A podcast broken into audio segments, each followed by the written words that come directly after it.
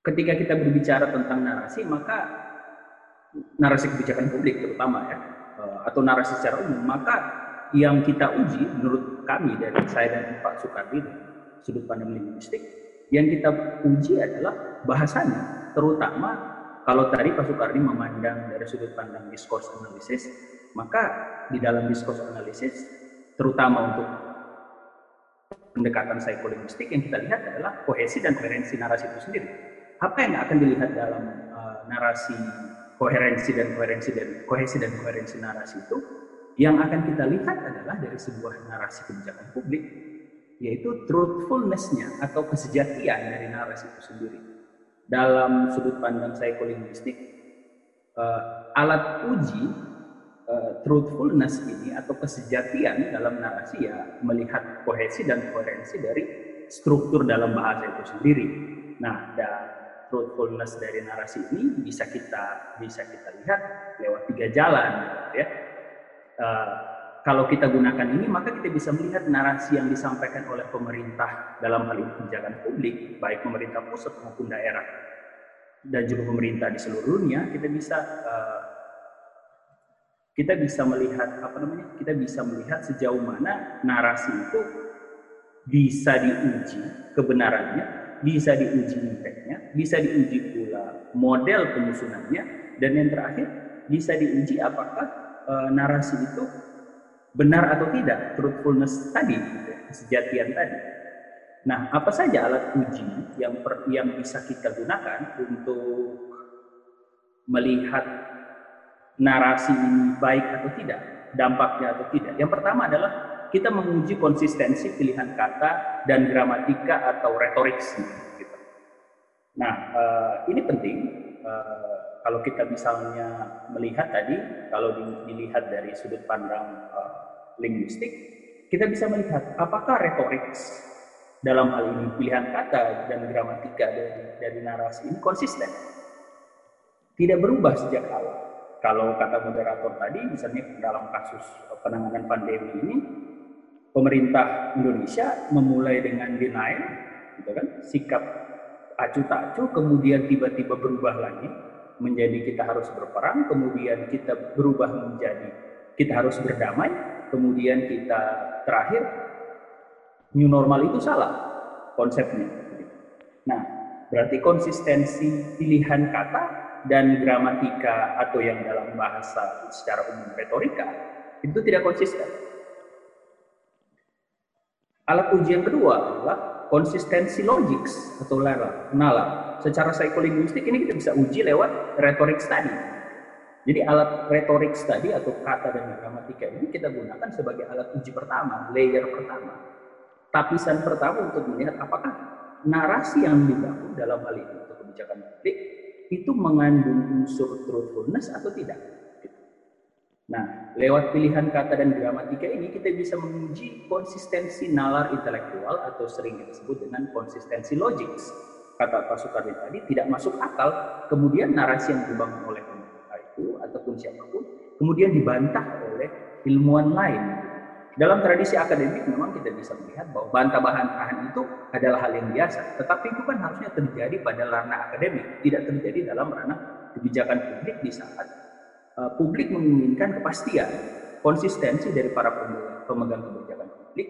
Kembali lagi ke, ke topik saya, itu bahasan saya di awal bahwa yang kita inginkan adalah narasi publik menjadi uh, bukan hanya cermin dari kebijakan publik, tapi petunjuk direction yang jelas bagi tindakan masyarakat yang terdampak kebijakan publik itu sendiri. Dan yang ketiga, alat uji yang ketiga adalah konsistensi etik dalam hal ini public ethics. Nah itu wilayahnya wilayahnya uh, Pak Kunco untuk berbicara tentang public ethics. Tetapi secara linguistik public ethics ini bisa kita uji lewat dua pendekatan tadi, uh, konsistensi retorik dan konsistensi logik. Nah, uh, back to the case bahwa narasi ini adalah bahasa, maka narasi ini adalah representasi mental picture. Gitu ya.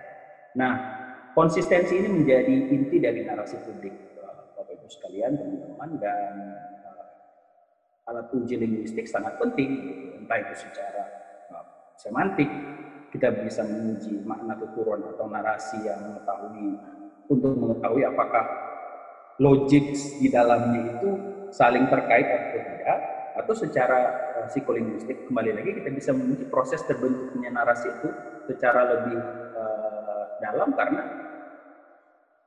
pendekatan linguistik memang bertujuan untuk membongkar bahasa dalam posisinya sebagai alat untuk merepresentasikan logik sedang intelektual kita.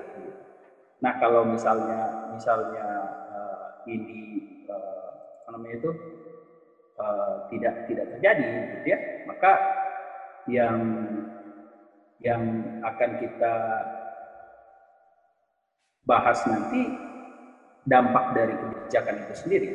Nah, uh, perlu juga misalnya teman-teman sadari bahwa uh, Bapak Ibu semua yang hadir pada malam hari ini dari dalam menguji atau menyusun dalam hal ini menyusun narasi kebijakan publik maka para pemangku kepentingan harus punya peralatan yang lebih canggih gitu ya.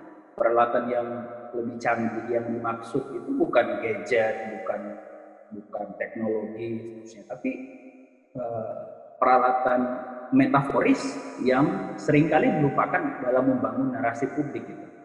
Nar, uh, metaforis ini sering dianggap pengandaian tetapi salah pasang. Mungkin Pak Sukari nanti bisa bisa mengoreksi saya bahwa metaforis ini kan alat abstraksi yang digunakan oleh manusia untuk bisa uh, membagi situasi yang ada pada dirinya, kemudian dia bisa membandingkan dengan situasi yang lain untuk terjadi hubungan yang yang baik antara satu peristiwa dengan peristiwa lain. Tetapi alat yang canggih yang dalam struktur linguistik kita kenal dengan metafor ini tidak digunakan sebagaimana mestinya. Malah mengandaikan hal-hal yang sebenarnya di luar nalar kita. Seperti yang, yang. Dan itu tidak tidak hanya terjadi di Indonesia, di UK pun terjadi seperti itu. Pada saat awal-awal corona misalnya pemerintah UK dituduh terlambat, terlambatnya itu hanya tiga minggu, terlambat lockdown, tiga minggu itu diserang habis-habisan, dianggap gagal, dituntut mundur dan seterusnya. Jadi pada zaman sekarang eh, narasi kebijakan publik itu dari kebijakan publik itu tidak hanya sekedar alat penyampai atau alat komunikasi antara pemerintah dengan dengan rakyat, tetapi narasi itu adalah alat uji yang digunakan oleh kita para ilmuwan dan juga masyarakat sebagai eh, orang-orang yang terdampak dengan kebijakan publik dan para politisi yang menilai kebijakan publik itu sendiri untuk menguji apakah narasi ini benar, apakah kebijakan publik ini e, berdampak positif. Intinya di bagian akhir e, yang saya sampaikan, kalau kita tidak mampu membangun siapa pun itu ya, entah itu pemerintah, entah itu NGO, badan ataupun sos, lembaga sosial tidak mampu membangun narasi publik, ya, narasi untuk meyakinkan publik, maka yang akan terjadi adalah uh, kebijakan yang kita ambil itu tidak akan bisa memberikan dampak yang sangat signifikan bagi, bagi perubahan. Dan uh, sebagai sebagai seorang linguis, terutama untuk bidang psikolinguistik, maka yang selalu saya lakukan pada saat membaca berita membaca, menonton tayangan televisi, tiga alat analisis tadi yang selalu saya gunakan untuk melihat apakah narasi yang dibangun merupakan narasi yang bisa mempunyai truthfulness untuk uh, kebijakan. Uh, saya rasa itu dulu, nanti bisa berkembang untuk diskusi. Baik, terima kasih Pak Zul. Jadi mungkin yang saya highlight dari penjelasan Pak Zul adalah bahwa dalam sebuah narasi itu harus ada kohesi dan koherensi. Bagaimana membuktikannya atau dilihat dari apa yaitu dari truth, truthfulness atau kesejatiannya. Dan membuktikannya itu dengan tiga cara tadi. Konsistensi diksi yang ternyata pemerintah uh, inconsistent ya. Ternyata inkonsistensi inkonsistensi yang muncul bukan konsistensi Lalu logic, jadi logic, kemudian penggunaan retoris yang dikaji dari psycholinguistik yang ternyata juga tidak logicalnya nggak dapet ya dari karena um, dari awal yang saya bilang tadi bahwa ada narasi menyatakan bahwa COVID itu flu yang biasa, lalu berperang, lalu berdamai.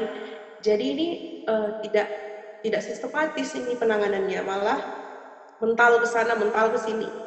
Gitu. Uh, sekarang kita ingin mendengarkan pendapat dari uh, Pak Funco Tanipus sebagai ini dua-dua Tanipu loh ya yang satu di bidang linguistik, yang satu yang satu seorang linguis, yang satu seorang um, sosiolog. Jadi duet tanipu ini kayaknya.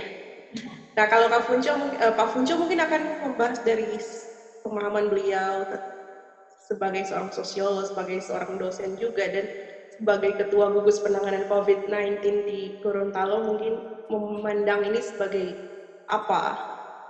Baik kepada Pak Funco, um, silahkan disilahkan untuk uh, memberikan pemaparan. Bismillahirrahmanirrahim. Assalamualaikum warahmatullahi wabarakatuh.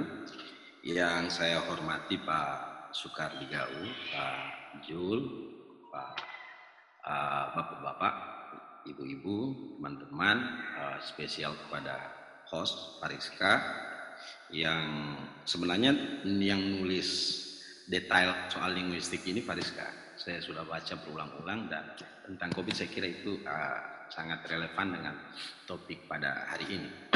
uh, terkait dengan uh, narasi kebijakan publik saya kira uh, penting mungkin untuk kita, tapi saya coba mau tampilkan dulu satu foto. Semoga ini kelihatan ya. Uh, ini mungkin kalau teman-teman uh, lihat, Pak Ibu lihat, uh, ini posisi di saya di Rumah Sakit Panua Pohuatu di isolasi pasien positif. Sebenarnya uh, foto ini sebenarnya baru kali ini saya tampilkan dan uh, apa? Sebenarnya ini tidak sesuai protokol karena melanggar protokol COVID. Kenapa? Karena uh, saya tidak menggunakan APD. Tetapi saya uh, bagi saya penting untuk uh, ketemu langsung dengan pasien yang terkonfirmasi positif di Gorontalo. Uh, uh, dari apa sampai hari ini uh, tercatat di Gorontalo itu ada sekitar 345 kasus uh, konfirmasi positif, 98 yang dirawat, 230 sembuh dan 17 meninggal. Artinya apa? Artinya bahwa uh, eksponensial kasus di Gorontalo terutama dan Indonesia itu sangat luar biasa. Bahkan uh, mungkin dalam beberapa hari ke depan Eh, Indonesia itu akan menyamai apa Cina dalam jumlah kasus konfirmasi positif. Uh, tapi saya tidak akan bahas yang negara lain, saya cuma mau bahas soal Indonesia khususnya Gorontalo.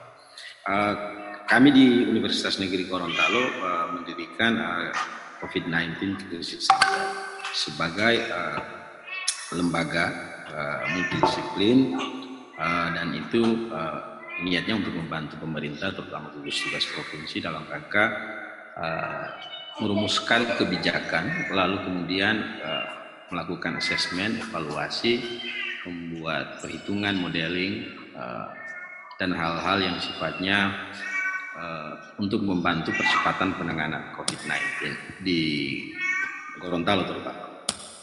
Uh, di Gorontalo sendiri uh, kalau kita lihat uh, apa ya? Kalau kita lihat saya share. Kalau kita lihat ini uh, data mobilitas penduduk, jadi kita mulai dari sini. Jadi uh,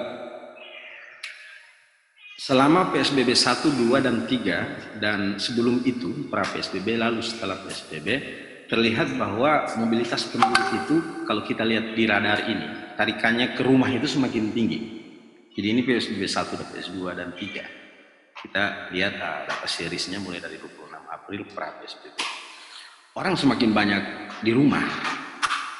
Hanya saja pertanyaannya begini, kalau orang semakin banyak di rumah, harusnya ini kan teori umum ya. Teori umum itu bahwa semakin banyak di rumah, di rumah aja, work from home, rebahan dan lain-lain, harusnya semakin bagus dong dalam penanganan um, apa penanganan COVID. Jadi dengan jumlah mobilitas orang di ruang publik semakin terbatas, jumlah orang ke tempat kerja, ke kantor, ke ruang publik itu semakin terbatas, maka harusnya pandemi itu bisa dikendalikan. Pertanyaannya kan satu, kenapa semakin banyak orang di rumah? Bahkan kita sampai mencapai angka uh, plus 30, maksudnya positif 30 uh, persen itu orang di rumah. Dari sebelum PSBB itu hanya 5 persen. Nah, yang sisanya orang-orang yang di ruang publik itu uh, sangat banyak, lalu kemudian turun.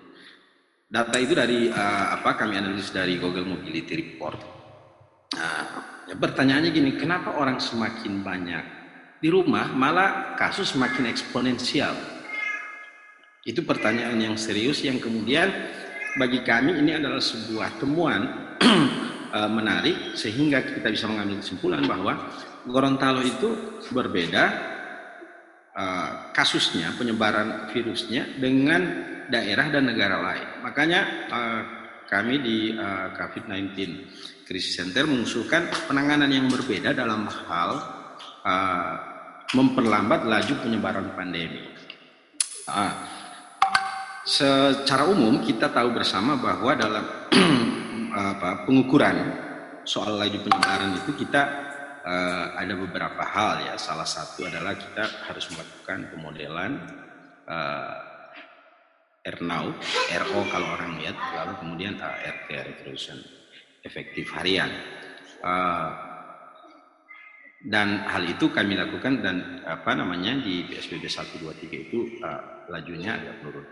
Uh, tetapi jumlah kasus yang eksponensial itu semakin bertambah dan uh, bagi kami ini yang menarik yang perlu dipecahkan sehingga uh, kita bisa melihat bahwa di Gorontalo itu sendiri ada sesuatu hal yang harus kita uh, kita dalami. Lalu kami coba melihat uh, tentang bagaimana COVID-19 itu menyebar. Kalau kita lihat ini di sini, jejaring kontak berdasarkan klaster, kita lihat ada sekitar 4-5 simpul klaster besar di Gorontalo. Satu Tumbihe, yang kedua, yang 01 ya, lalu dua-dua Padebu Olo, 46 itu di di Buah, lalu kemudian Pentadi Barat tapi tidak Uh, setelah kami melihat ini, mengevaluasi uh, temuan kami uh, akhirnya ini bahwa COVID-19 di Gorontalo itu rupanya penyebarannya berbeda. Penyebaran berbeda itu uh, satu karena yang kita bicarakan tadi Pak Soekardi dan Pak Jul sampaikan tadi soal literasi, soal narasi yang itu sampai hari ini memang uh, apa ya sampai hari ini memang uh, itu di masyarakat sendiri agak tidak terlalu banyak memahami soal apa itu uh, COVID Corona dan segala macam dan banyak hal yang memang di masyarakat itu agak apa agak tidak paham terutama tentang COVID. Saya pernah ketemu beberapa pasien yang telah sembuh uh, mereka menyampaikan kalau uh, kalau misalnya ini saya coba dalam bahasa Gorontalo mereka bilang begini Ami hati-hati Pak Madelo PKI lah Pak tak lo keluar melon rumah sakit. Maksudnya uh, kita orang ini macam atau kami ini macam uh, PKI ya. Artinya dijauhi masyarakat. Bahkan kalau misalnya undangan-undangan itu mereka tidak diundang lagi di masyarakat. Jadi stigma tentang COVID itu sangat negatif nah, setelah itu kita lihat lebih detail sehingga uh, salah satu yang kami apa temukan di lapangan adalah soal literasi yang kurang terhadap uh, COVID. Nah, misalnya kalau kita lihat ya banyaknya istilah-istilah yang muncul, misalnya social distancing, physical distancing, ODP, PDP, OTG, positif reaktif, non reaktif. Ada new normal APD, karantina, RTRO, PSBB, lockdown, PSBK, refit, disinfektan ya. Ini adalah eh, istilah-istilah uh, ya yang kemudian bagi masyarakat itu agak apa mereka tidak bisa pahami dengan cepat. Ada lagi istilah misalnya COVID-19 sama sebelumnya ada SARS-CoV-2, MERS-CoV, WHO, WFH, ya kan? Ada istilah lockdown, ada imported case, ada local transmission, lockdown. Istilah-istilah ini yang sekarang Pak uh, Jul dan Pak Sukardi lebih paham ya soal istilah ini. Ini yang dalam enam bulan terakhir, tujuh bulan itu tidak di apa tidak dicarikan padanan yang pas untuk masyarakat lokal. Sehingga apa? Masyarakat sekarang hari ini menganggap ini teori konspirasi. Yang kedua, masyarakat tidak percaya lagi dengan apa. Sehingga kepatuhan kepada protokol juga sangat terbatas.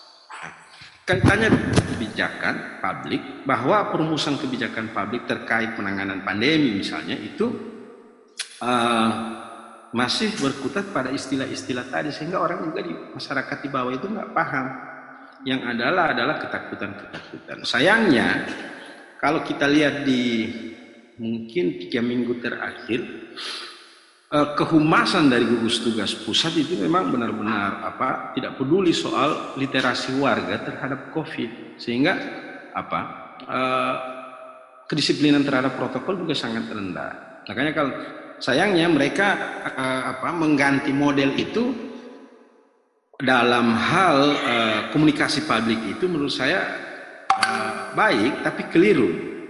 Karena apa? Misalnya kita lihat ya, Pak Yuri itu kan diganti ke Dr. Reisa.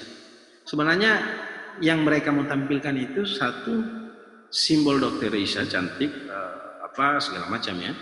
Jadi dalam komunikasi publik saya kira gugus tugas keliru dan agak apa bias gender ya karena apa mengeksploitasi eksplorasi seksualnya Dokter Reisa dibanding kemudian memberi pemahaman yang lebih apa lebih serius terhadap uh, apa terhadap uh, eh, COVID-19 di masyarakat. Jadi sekarang misalnya di kampung-kampung itu nggak ada lagi yang pakai masker menjaga jarak lah itu nggak ada lagi. Nah, itu satu. Yang kedua uh, menjadi problematik juga dalam penyusunan uh, regulasi lokal. Misalnya uh, kasus yang kami hadapi adalah misalnya di beberapa daerah di Gorontalo itu soal penyebutan nama peraturan uh, daerah, sorry bukan peraturan, peraturan gubernur dan peraturan bupati wali kota. Karena di pusat juga berubah-ubah kebijakan soal istilah ini, mau new normal, enggak eh, PSBB atau apa. Sedangkan new normal ini kan dalam regulasi nasional kan memang tidak ada teksnya itu, tidak ada tapi dipaksakan ke daerah untuk menggunakan judul new normal dalam Pergub dan Perbub serta Perwako. Kami e, mendampingi beberapa kabupaten kota dalam penyusunan e, Perbub.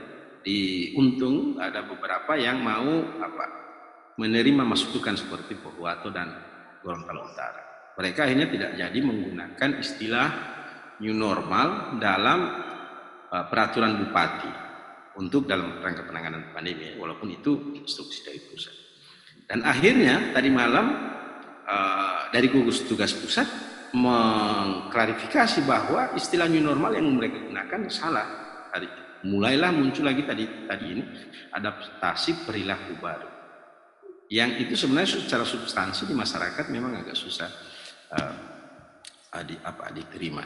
Jadi uh, saya kira misalnya uh, sebagai uh, apa pengantar uh, diskusi saya kira eksplorasinya baru uh, sampai di situ dan kami mencoba uh, merumuskan empat hal yang itu bisa uh, menjadi pendekatan dalam memahami dan bisa menjadi model uh, penanganan COVID-19 di Gorontalo. Satu itu harus berbasis aktor, yang kedua ruang, interaksi, literasi. Kalau kita lihat tadi di soal apa namanya klaster-klaster ya, di klaster-klaster tadi itu kan berbasis kampung ya ruang. Nah di ruang-ruang ini satu literasi terbatas, saya tidak mau menyebut rendah, terbatas soal pandemi. Yang kedua aktor-aktor yang kita harapkan bisa uh, apa membantu masyarakat dalam memberi pemahaman terhadap COVID juga punya literasi yang terbatas mereka bahkan interaksinya tinggi. Kenapa interaksi tinggi? Misalnya karena dudula, uh, titilia segala macam, titilia segala macam itu ya apa perilaku masyarakat Gorontalo harian itu itu sangat uh, apa sangat bertentangan dengan protokol uh, COVID ya sehingga uh, wajar kalau misalnya di tadi di tiga empat klaster tadi itu eksponensial sekali pertumbuhan kasus. Dan yang keempat adalah pendekatan ruang. Kenapa pendekatan ruang? Ruang tidak bisa lagi kita lihat sebagai sebuah arena apa geografis, tapi juga arena kultural. Misalnya kenapa? Temuan kami di lapangan uh, terkait COVID ini ya, di daerah kampung-kampung tadi, yang satu aktornya minim literasi, literasinya juga warga rendah, yang kedua mereka juga nggak paham ini istilah-istilah ini asal segala macam, interaksi tinggi, dan uh, di ruang ini yang bisa kita sebut sebagai kampung itu penyebarannya sangat cepat. Berbeda misalnya dengan kasus-kasus yang ada di kota ya, misalnya di Liluung, Mialo, uh, apa, Temulu Butao Selatan, lalu uh, Libuo ya, itu cepat putus karena apa? Literasi karena perumahan ya mungkin. Literasinya mereka tinggi, interaksi hampir tidak ada ya, tidak ada kontak sama sekali karena apa? Karena di daerah-daerah itu perumahan-perumahan itu mereka kenal tapi kan tidak ada interaksi. Yang kedua aktor-aktor di situ juga lebih paham tentang COVID. Lalu ruangnya juga mereka tidak ada apa uh, kontak sama sekali yang itu. Nah, tapi di tadi di ruang-ruang yang kultural tadi itu literasi terbatas, interaksi tinggi, aktor rendah. Sehingga kami mencoba membuat peta uh, wilayah berbasis resiko terkait COVID. Kami sementara ajukan ke gugus tugas pusat untuk bisa di apa dijadikan model penanganan Indonesia. Karena kami kira bahwa uh, model seperti ini uh, ada di banyak daerah di Indonesia yang yang kulturalnya ruang-ruang kulturalnya seperti ini, yang interaksi tinggi dan lain-lain. Dan uh, kami kira ini bisa menjadi salah satu solusi dan saya kira teman-teman uh, di linguistik uh, sangat dibutuhkan sekali di masa-masa sekarang ini terkait itu karena apa? Dengan hari ini tadi Gorontalo naik uh, 29, kemarin 30, sangat eksponensial dan ini sangat bahaya. Apalagi yang meninggal juga ini harian ada. Tadi uh, bayi usia dua hari uh, konfirmasi positif dan yang meninggal-meninggal juga tambah banyak. Saya kira sudah harus dipikirkan bagaimana satu pendekatan linguistik ya, komunikasi dan saya kira ini gugus tugas sudah harus merubah secara total ya Eh, narasi-narasi ya dalam perumusan kebijakan dalam penanganan pandemi. Saya kira itu poin-poin dari saya, Fariska. Terima kasih. Terima kasih Kak Punco sudah memberikan enlightenment ya mengenai penanganan COVID di um, Gorontalo terutama sebagai salah satu contoh yang tadi kita angkat untuk uh, tema malam ini. Tapi sebelum saya buka um, sesi tanya jawab malam ini. Saya ingin Kak Funco menjawab satu pertanyaan, boleh ya Kak? Eh, Pak Funco. Uh, di awal uh, Pak Funco sempat menjelaskan tentang uh, dua kali apa tiga kali PSBB, semua orang di rumah, rebahan, um, corona tetap meningkat secara eksponensial, uh, bukannya menurun tapi meningkat.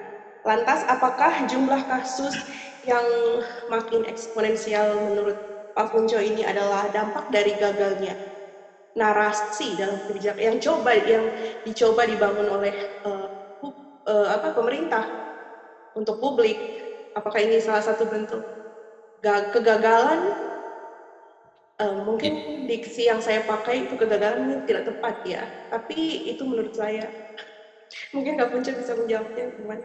Uh, saya kira yang faktor sangat yang yang penting uh, yang pasti gini bahwa virus itu pandemi ini atau COVID-19 ini mengikuti kultur masyarakat dan kultur ini ada uh, bahasa-bahasa narasi-narasi linguistiknya masing-masing dan menurut kami ya, saya menyebut kami karena di apa hasil riset bersama di uh, COVID-19 Center dan saya bukan ketua ketuanya itu Pak Rektor Eh, ketuanya Pak Rektor. Saya okay. cuma uh, sekretaris di situ. Uh, linguistik itu menjadi kunci dalam uh, penyebaran pandemi. Jadi kegagalan kita dalam menerjemahkan soal apa bahasa, wacana dan uh, apa tadi sampai kata per kata ya istilah-istilah itulah yang menyebabkan orang tidak patuh satu pada protokol yang kedua yang menyebabkan orang itu bahkan uh, melanggar protokol uh, kalau kita bisa lihat misalnya dalam tiga hari terakhir ini itu sudah sudah normal masa-masanya sebelum pandemi. Karena apa?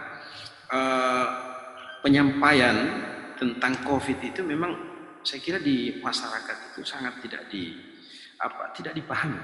Orang nggak paham soal COVID yang paham ini kan cuma kelas menengah yang uh, literasinya sudah tinggi lalu kemudian yang sebagian besar adalah yang paranoid, yang takut apa dengan uh, COVID. Jadi kalau kita bisa sederhanakan bahwa ketika, jika dia paham, dia jadi takut dan dia jadi uh, apa patuh kepada protokol. Orang yang nggak paham, ya, yang tidak apa tidak mengetahui, tidak paham dan lain-lain itu pasti dia nggak akan patuh kepada protokol kesadaran diri terhadap protokol itu nggak ada. Dan itu yang menjadi kunci salah satu kunci penyebaran pandemi di Gorontalo. Dan menurut saya ini ya ini ini bukan soalan teknis medis ya.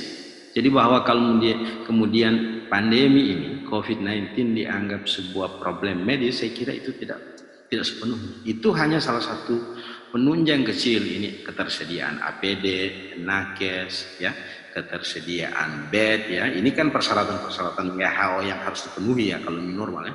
Tapi menurut saya bukan itu kunci penanganan pandemi. Kunci penanganan pandemi itu pada linguistik. Dan jadi kamu jadi Pak Punco menyalahkan linguistik ini yang salah nih? Tidak tidak saya tidak salahkan. Tapi uh, pengambil kebijakan tidak konsultasi dengan ahli-ahli linguistik. Oh iya, kalau itu saya setuju. Tapi kalau untuk mengatakan bahwa linguistik yang bertanggung jawab, saya tidak setuju. Uh, tapi linguistik menjadi salah satu kunci, literasi salah satu kunci. Kalau kita lihat tadi ya. Iya, dalam pengambilan kebijakan, ya karena kita menggunakan bahasa. Tapi kalau linguis yang harus bertanggung jawab, saya rasa ya, ya. tidak demikian. Ya. Jadi, Jadi kalau uh, linguis yang harus bertanggung jawab, berarti Pak Zul dan Pak Sukardin yang harus lebih bertanggung jawab nih.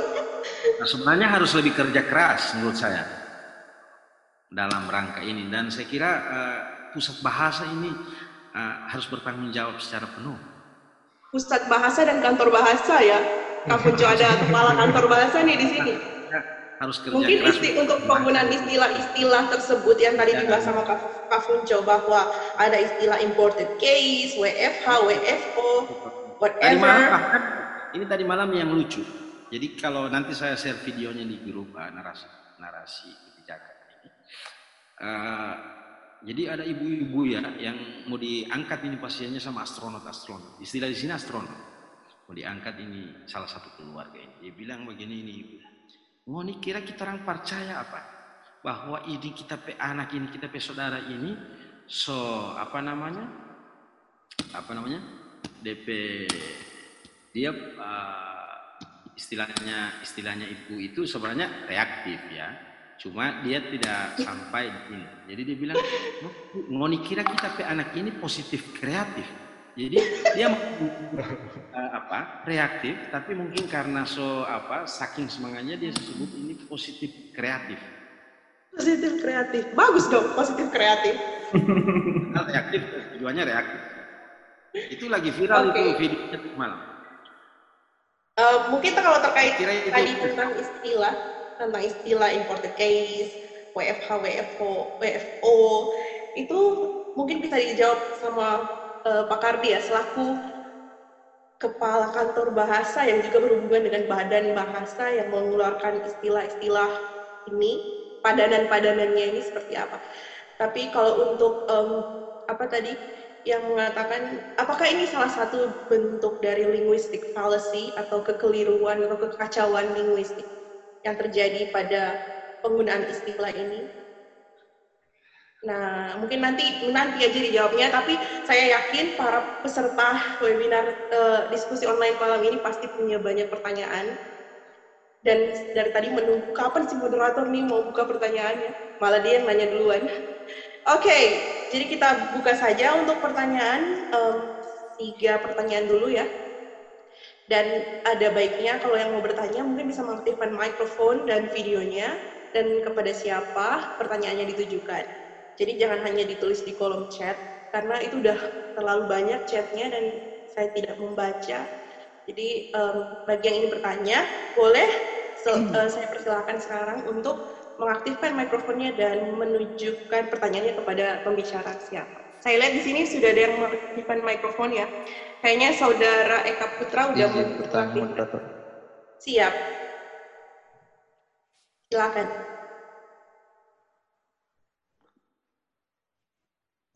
Ya, terima kasih moderator eh, kepada Kak Funco, Kak Jul, dan Pak Sukadigau. Pertanyaan saya terkait dengan uh, presentasi tadi memang uh, luar biasa, tetapi mungkin ada hal yang menarik yang ingin saya interkoneksikan terhadap uh, persoalan yang ada di mungkin bukan hanya di Gorontalo, juga ada di daerah-daerah yang lain. Karena memang pemahaman tentang literasi ini tidak bisa dilihat dalam kacamata yang statis, tapi harus dinamis. Kalau kita lihat mungkin ya, mungkin ini ada beberapa ahli-ahli linguistik, apakah uh, korelasi antara pemahaman literasi seseorang dengan tingkat strata sosial seseorang itu sangat penting. Jelas berbeda. Tadi saya sepakat Kak Funco bilang mungkin yang mem yang memahami bahasa literasi ini literasi dari COVID-19 ini kebanyakan kelas menengah atas, tetapi menengah bawah tidak memahami. Faktanya, Gorontalo itu di data terakhir 2019 itu, data BPS itu urutan terenam daerah termiskin di Indonesia dengan faktor kesenjangan dua terendah. Jadi ini saya kira tidak bisa disalahkan dalam konstruksi tata bahasa yang memang mungkin eh, ahli-ahli uh, bahasa mengatakan itu sudah seperti itu atau tadi moderator terlalu bersemangat mengatakan bahwa uh, konsistensi pemerintah beliau juga tidak konsistensi Kak Funco atau Pak Funco ini harus itu mempengaruhi makna daripada arti yang dia akan sampaikan. Uh, itu yang ingin saya katakan. Apakah korelasi antara kesenjangan sosial dengan pemahaman literasi masyarakat? Saya sepakat tadi Kak Funco bilang memang hari ini di Gorontalo memang ya mungkin sudah pada apatis dengan COVID-19 ini. Tetapi pertanya pertanyaannya, apakah tidak sebaiknya pendekatan-pendekatan yang dikatakan uh, Kak Funco tadi itu ditambahkan satu dengan pendekatan sosial masyarakat atau pendekatan yang mengukur tingkat kemiskinan dan kesenjangan di Gorontalo. Kita tahu bersama bahwa PSBB kemarin memang uh, memang banyak sekali persoalan walaupun kemudian itu saya tidak bisa mengatakan itu gagal tetapi itu bisa harus dilakukan untuk menekan laju COVID ini. Tetapi kemudian kita lihat memang masyarakat yang terdampak secara ekonomi juga luar biasa. Bahkan ada yang uh, sampai sampai bertengkar dengan satpol, dikatakan begini ya, uh, kalau mau mau kasih makan tuh orang pagi, siang, sore, malam, baru mau bisa bikin bagian tuh orang. Itu kan artinya kata-kata yang memang uh, hadir dari ruang akar rumput masyarakat itu sendiri. Jadi ini pertanyaan saya, apakah korelasi ruang literasi itu itu uh, apa namanya? Bagaimana dengan tingkat uh, kesenjangan masyarakat itu sendiri? Tingkat kesenjangan dan kemiskinan ya. Terima kasih. Berarti pertanyaan ini secara tidak langsung ditujukan kepada Oke, okay, Pak Funjo. Ya, uh, uh, apa namanya? Uh, saya kira uh, apa yang dikatakan Bung Eka saya kira uh, betul ya dan saya juga ingin sekaligus juga mau uh, apa menjawab pertanyaan kebanyakan dari Pak James di Bu Len dan Bro Imal ya Bang Imal terkait itu uh, saya kira uh, terutama ya narasi kebijakan publik dalam penanganan pandemi salah satu yang apa di Indonesia ini yang lumayan lumayan unik. Uniknya itu adalah satu berubah-ubah. Setiap minggu itu berubah-ubah. Kalau kita lihat soal jumlah edaran saja. Dari setiap kementerian itu, satu kementerian itu ada 30 sampai 40 edaran. Kalau sekitar hampir 10 20 ini berarti ada sekitar hampir uh, sekitar hampir seribuan edaran yang harus kita terima dalam di semua institusi. Itu dalam tempo uh, apa ya dalam tempo sekitar tiga bulan empat bulan terakhir. Dari edaran ini istilahnya juga berubah-ubah berbeda-beda bahasa yang mereka sampaikan dalam narasi kebijakan.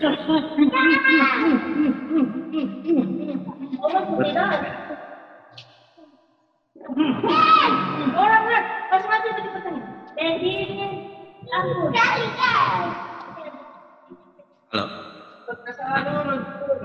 Dan uh, saya kira apa yang dikatakan, misalnya apakah ada uh, relasi antara kesenjangan kemiskinan dengan apa, literasi warga. Saya kira kami belum melakukan riset, tapi kami dua kali, tiga kali melakukan survei terkait uh, apa, persepsi. Jadi persepsi publik itu secara umum bahwa mereka tidak terlalu memahami istilah-istilah tadi. Narasi, narasi ya. Dan di, terkait pandemi ya itu yang dimulai kebijakan itu mereka tidak terlalu paham. Dan banyak dan problem istilah-istilah itu yang sampai sekarang berubah-ubah. Ada yang bilang normal baru ada yang baru yang kenormalan baru. Jadi publik juga memang agak berat soal itu. Ah, terkait dengan pernyataan uh, Pak Imal bahwa di mana beda ya beda antara daerah lain nah, bedanya gini bahwa uh, Molo, molo, molo. interaksi sosial di Gorontalo itu sangat tinggi. Karena apa? Basis ngala kekeluargaan di sini di Gorontalo itu luar biasa.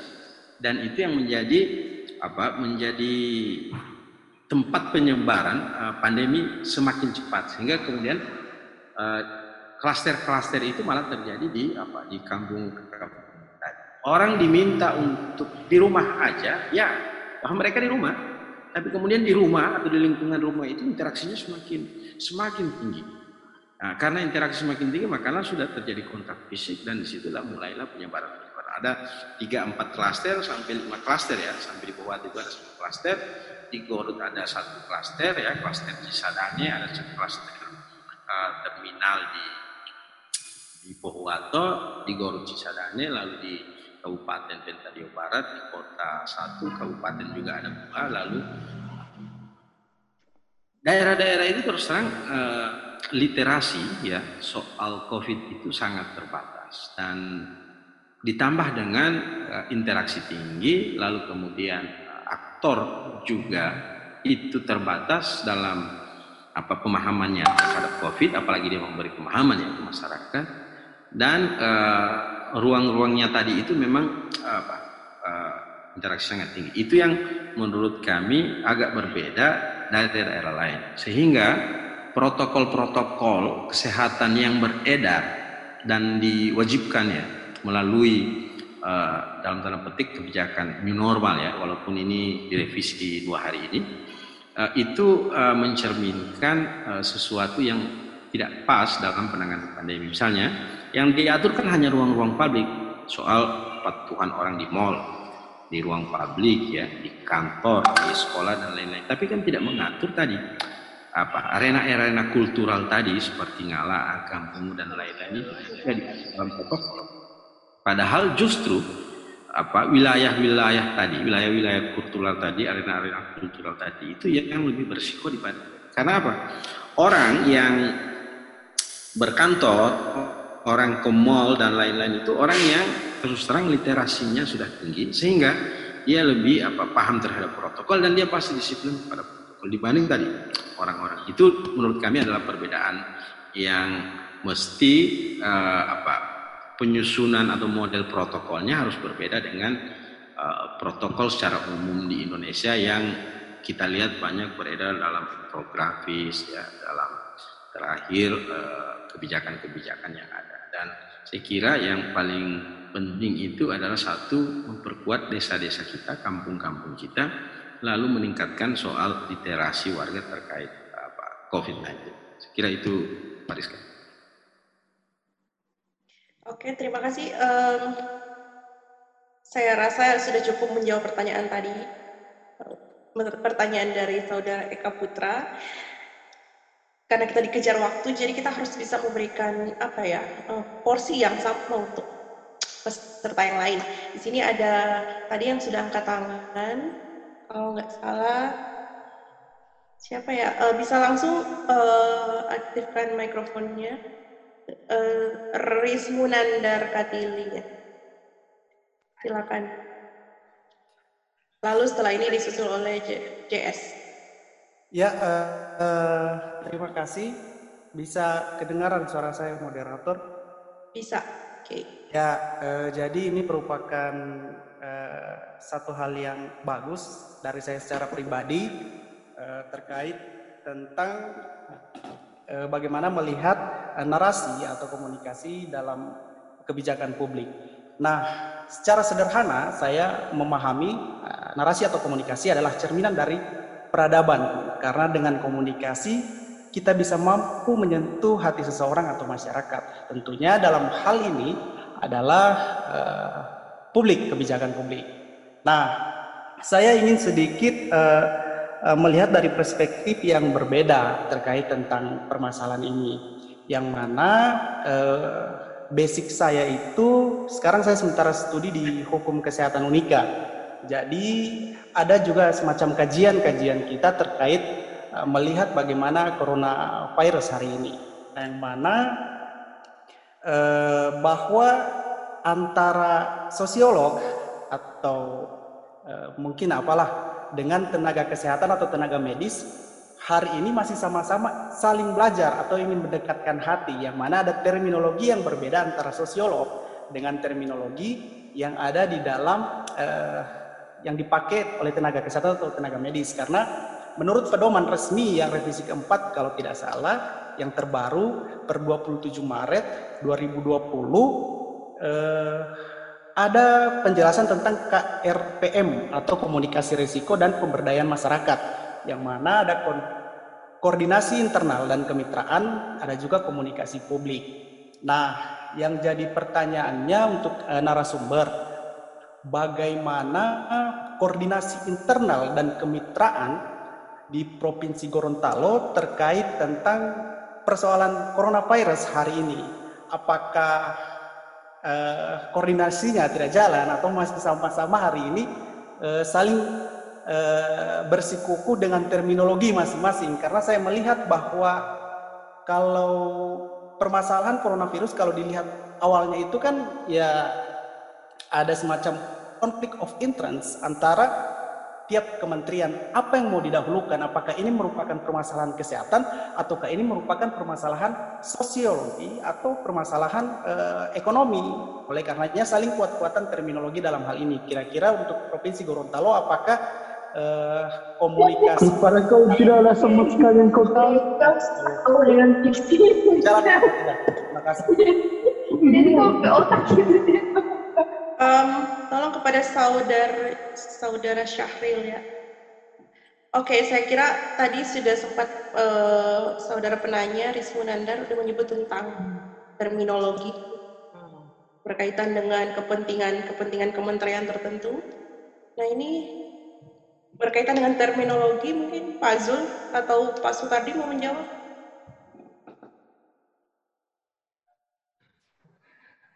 Uh, baik, terima kasih. Uh,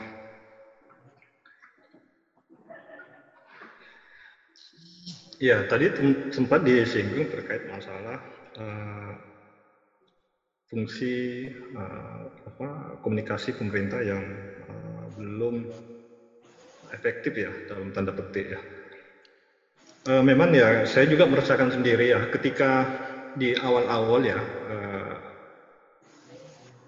isu virus corona muncul di Gorontalo ketika pasien pertama di Kabila itu muncul kan? Kita semua seolah-olah merasa takut itu ya. Dan saya merasakan satu Gorontalo itu takut semuanya itu ya. Besoknya ya tetangga saya biasa menjual nasi kuning kalau pagi dia tutup itu. Karena uh, begitu takutnya ketika uh, ada satu orang dari Gorontalo yang uh, kemudian terkena uh, virus ini tapi yang saya lihat ya di masa itu di awal-awal itu uh, memang ada kecenderungan ya ketakutan begitu tinggi kemudian uh, kewaspadaan masih rendah itu. Ketakutan tinggi kemudian uh, kewaspadaan rendah. Kemudian uh, seiring berjalannya waktu ya kemudian ada PSBB 1 2 sampai 3 ya kemudian mulai berubah ya perilaku juga sudah mulai berubah itu karena apa dulu di awal-awal memang kita begitu takut ya karena informasi yang terpampang di depan kita misalnya informasi-informasi tentang orang yang terkena terinfeksi kemudian ada yang meninggal kemudian resiko-resiko yang ditimbulkannya sehingga orang merasa takut ya Kemudian diberlakukan PSBB 1, 2, 3. Kemudian yang saya lihat, yang saya rasakan adalah perilaku mulai berubah. Yang muncul adalah eh, ketakutan rendah. Kemudian yang muncul kemudian adalah kewaspadaan yang tinggi. Ya. Jadi ada orang yang ketakutannya sudah rendah karena sudah begitu banyak informasi yang dia dapatkan uh, apa tentang uh, Eh, virus ini, kemudian uh, dia uh, berubah menjadi uh, ketakutan yang sudah mulai rendah, tetapi kemudian uh, kewaspadaannya tinggi. Kemudian berjalannya waktu ya karena informasi begitu banyak, kemudian yang kita terima, masuk yang uh, kita baca, kita cerna, kemudian orang sudah mulai uh, terpolarisasi. Pertama tadi ada yang tinggi, ketakutan, kemudian kewaspadaannya rendah, kemudian ada kewaspadaan tinggi, kemudian uh, ketakutannya rendah, kemudian kemudian ada yang ketakutannya tinggi, kewaspadanya juga tinggi kan. Nah, itu yang tadi ya oleh Pak Punco dikatakan orang yang biasa parno gitu kan. Kemudian ada juga orang yang uh, kewaspadaannya rendah dan juga ketakutannya rendah dan dia mengatakan bahwa nah, kita tidak perlu takut dengan uh, virus seperti ini. Jadi dia dan itu yang terjadi ya polarisasi di masyarakat terkait dengan uh, dan itu sangat dipengaruhi oleh informasi-informasi yang mereka terima.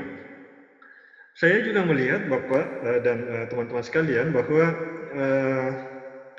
memang banyak lembaga yang kemudian apakah itu resmi atau tidak resmi kemudian mengeluarkan uh, pendapat, tanggapan dan uh, itu kemudian dibaca dan didengar kemudian dipahami oleh sebagian masyarakat. Tetapi bagi saya sebenarnya pemerintah sudah membentuk ya ada satuan gugus tugas. Saya lebih cenderung untuk dan uh, kita mengajak ke masyarakat bahwa satu-satunya pintu yang harus kita dengar adalah satuan satuan gugus tugas itu kan. Misalnya klaim Kementerian Pertanian harusnya itu bukan Kementerian Pertanian yang uh, menurut saya yang harus mengumumkan ke masyarakat, tapi itu harusnya melalui gugus tugas ya. Kalau misalnya kalung eukaliptus itu memang uh, punya khasiat, seharusnya ya yang mengeluarkan statement itu, yang mengeluarkan pernyataan itu adalah melalui satuan gugus tugas sehingga orang juga punya keyakinan punya eh, apa sebab ada lembaga yang punya otoritas untuk apa menyampaikan itu kepada uh, publik ya saya lebih cenderung untuk menyimak ya semua informasi-informasi yang memang dikeluarkan oleh uh, gugus tugas dibanding dengan lembaga-lembaga lain yang sebenarnya ya bisa saja Kementerian Kesehatan pun juga selama ini tidak pernah mengeluarkan informasi-informasi yang bisa membingungkan masyarakat, tapi semuanya diserahkan kepada Eh, satuan gugus tugas. Uh, tadi juga ada uh, apa uh, munculnya istilah-istilah yang uh, begitu beragam. Uh, kemudian uh, masyarakat juga ada yang uh, pro kontra, kemudian ada juga yang uh, agak uh, bingung dalam memahaminya. Itu adalah hal yang wajar ya. Sebab begini ya, kalau menurut saya begini ya, perkembangan bahasa itu kita tidak bisa be, apa laju perkembangan bahasa begitu cepat ya kita tidak bisa harus mendapatkan istilah dulu lalu uh, apa uh, misalnya melalui uh, lembaga otoritas tertentu misalnya melalui badan bahasa kemudian nanti lewat badan bahasa kemudian dikeluarkan. Sementara perkembangan sosial perkembangan kebutuhan tentang istilah tertentu begitu cepat. Jadi biasa saja ya kami juga di badan bahasa uh, kadang ada istilah tertentu yang sudah terluar uh, apa sudah keluar dipublis ke masyarakat kemudian badan bahasa melakukan apa upaya-upaya uh, semacam misalnya pemadanan atau misalnya mencari istilah-istilah yang sesuai. Jadi kita tidak bisa badan bahasa juga tidak punya apa uh, kita kan tidak tahu istilah itu muncul kapan saja. Ya bisa tengah malam, bisa kapan saja dan orang tidak bisa uh, mencegah begitu saja bahwa jangan dulu muncul istilah ini kan. Sementara kebutuhan orang tentang istilah itu begitu mendesak. Biasanya setelah itu kemudian Badan Bahasa melakukan pengkajian, kemudian upaya apa yang dilakukan, apakah ketika penyerapan istilah tertentu melalui uh, proses pemadanan atau misalnya penyesuaian bunyi, ataukah misalnya uh, apa uh, cara lain yang digunakan supaya istilah ini bisa lebih dipahami oleh masyarakat. Iya, saya kira dulu banyak ya kasus-kasus yang bisa kita lihat, misalnya busway kan itu. Jadi dulu istilah busway kan orang itu yang dipikirnya busway itu adalah kendaraannya kan, padahal itu adalah lajurnya yang dia maksud. Dulu misalnya yang paling uh, kita lihat misalnya di Jakarta ya di uh, apa uh, Semanggi Interchange itu kan. Kemudian uh, itu masuk diperdakan oleh pemerintah DKI, kemudian Badan Bahasa melakukan lobby ke uh, pemerintah DKI, kemudian uh, itu ada sekitar 6-7 bulan itu, kemudian uh, istilah ini diganti menjadi uh, simpan susun semanggi. Dan itulah yang dipakai dan diperdakan sekarang bahwa yang istilah itu adalah uh, simpan simpan uh, susun semanggi. Jadi uh, istilah memang muncul duluan, kemudian Badan Bahasa melakukan upaya untuk mencoba melakukan pemadanan supaya istilah ini bisa lebih diterima oleh masyarakat. Dulu misalnya istilah ketika apa MRT itu kan apa dalam bahasa Inggris kemudian uh, orang mencari cara kira-kira apa yang uh, paling cocok dalam padanan bahasa Indonesia. Dan di badan bahasa juga terjadi uh, perdebatan terjadi diskusi yang begitu panjang. Kemudian kita melakukan uh, pemadanan bahwa uh, apa uh, mass rapid uh, uh, transportation itu menjadi uh, moda raya transportasi ya. Walaupun tidak begitu pas tapi kita mencoba uh, mencari padanan yang lebih mudah diterima ya sama dengan uh, ATM misalnya kan anjungan tunai uh, mandiri. Walaupun sekarang ya walaupun tidak secara persis sama tetapi ya dia agak mendekati dan kemudian uh, secara mana ada kesamaan memang dan uh, tidak sama persis tapi banyak kesamaannya dan saya rasa ini lebih memudahkan masyarakat untuk uh, memahami istilah-istilah tertentu. Uh, sama MRT juga seperti itu. Dan uh, sekarang menjadi moda raya uh, transportasi. Walaupun ya kalau kita uh, padanankan secara kata per kata tidak begitu pas. Tapi dari segi makna itu juga jauh lebih bagus ya. Dan masyarakat akan lebih mudah untuk memahaminya.